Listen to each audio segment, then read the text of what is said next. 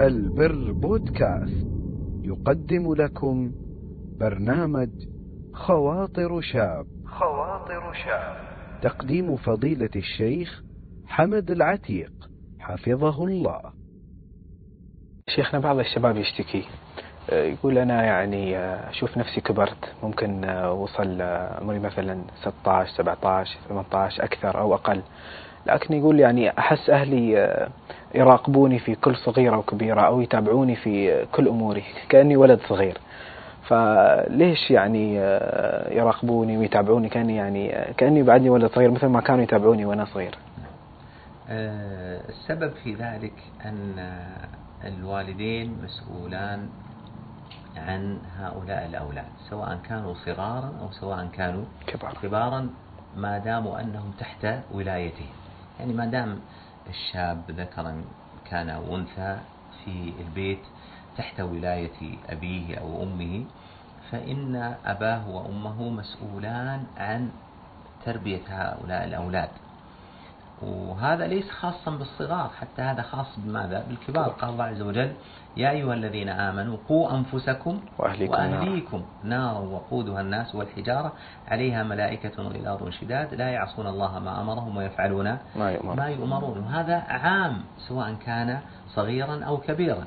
يعني مثلا في المدرسة الابتدائي أو المتوسط أو الثانوي أو حتى في الدراسات العليا في الجامعة والماجستير وما بعدها تجد المعلم سواء كان في الدراسات العليا الدكتور أو أستاذ الدكتور أو المعلم في الدراسات أو التعليم العام تجده مسؤول عن هذا الطالب. ما يجي الطالب يقول ليش تسأل عني؟ ليش تحاسبني على التكاليف الدراسية؟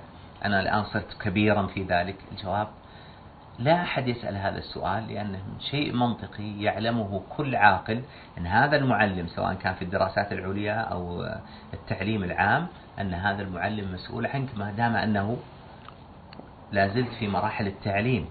وكذلك الأب والأم ما دمت أنك تحت ولاية والدك وتحت ولاية والدتك أنهم مسؤولون عن تعليمك ومسؤولون عن تربيتك ومسؤولون عن ما يصلحك وما وما يضرك.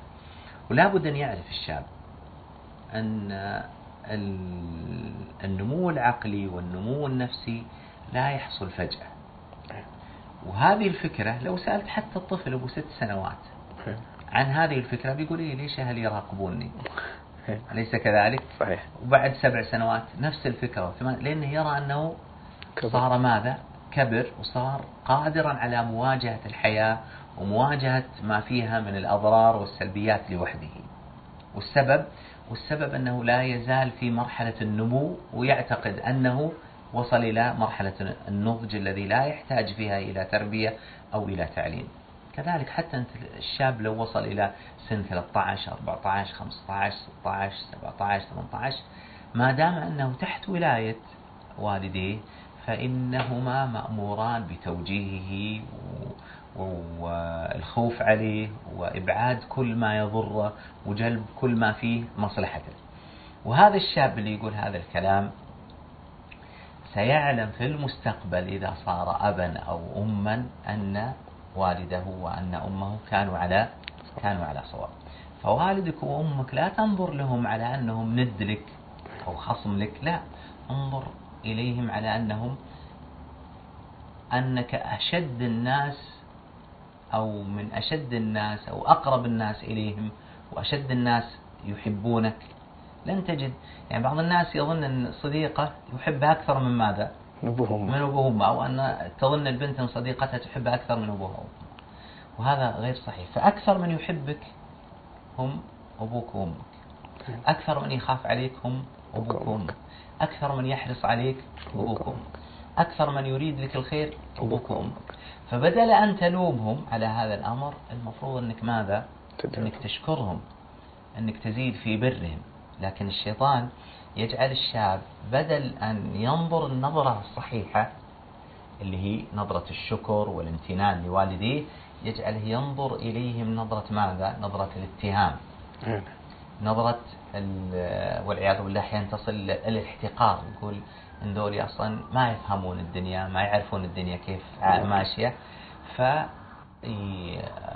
فيجعله يغضب يجعله يكره والديه يجعله يحقد على والديه والعياذ بالله. والواجب على كل عاقل فضلا عن كل مسلم أن يشعر بالامتنان ويشعر بالشكر والتقدير ويقدم البر لوالديه على كل ما يقدمونه لما فيه مصلحته وبعد السوء عنه نسأل الله عز وجل أن يجزي والدينا عنا خير الجزاء. اللهم آمين.